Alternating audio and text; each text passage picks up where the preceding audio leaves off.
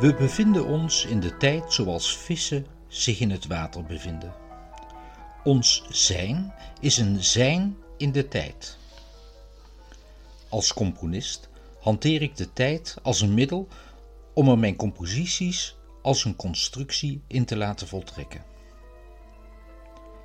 Toch is tijd niet zo eenduidig als we het vaak in dagelijks gebruik hanteren. We weten uit eigen ervaring dat er verschil is tussen gemeten en beleefde tijd. Je kunt de tijd vergeten of verliezen door naar een boeiend muziekstuk te luisteren of op een andere wijze te focussen.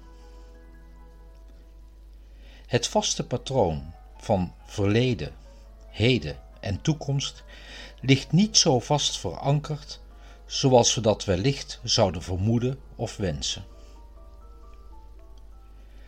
Carlo Rovelli, een autoriteit op het gebied van kwantumgravitatie, verwoordt het in zijn Het mysterie van de tijd, uitgegeven bij Prometheus in 2018, als volgt.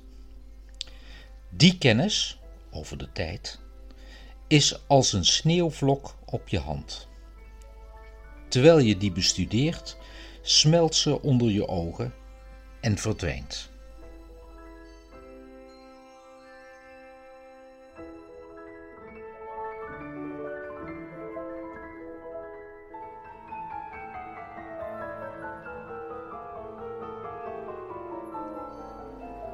In logische stappen toont hij aan dat er een heleboel tijden zijn.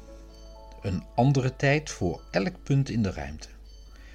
Elke klok heeft wat ze in de natuurkunde een eigen tijd noemen. Elk fenomeen heeft zijn eigen ritme en de wereld is een netwerk van gebeurtenissen die elkaar wederzijds beïnvloeden. Tot dit inzicht kwam Einstein, maar hij had nog niet de beschikking over meetinstrumenten om het te bewijzen. Hij voorspelde dat tijd op sommige plekken langzamer verstrijkt dan op andere.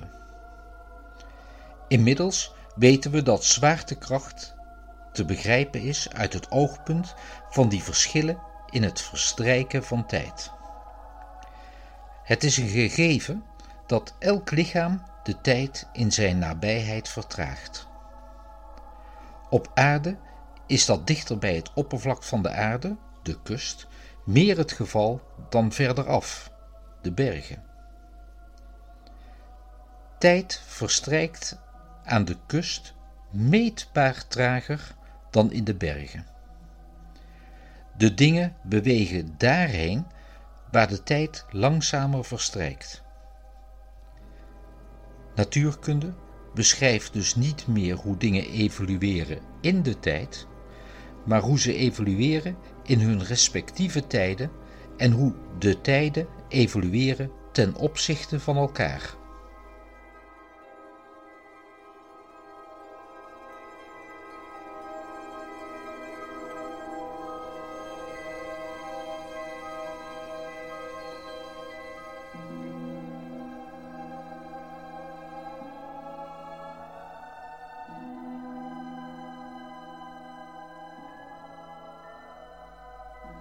Rovelli gebruikt in zijn boek een leuke metafoor.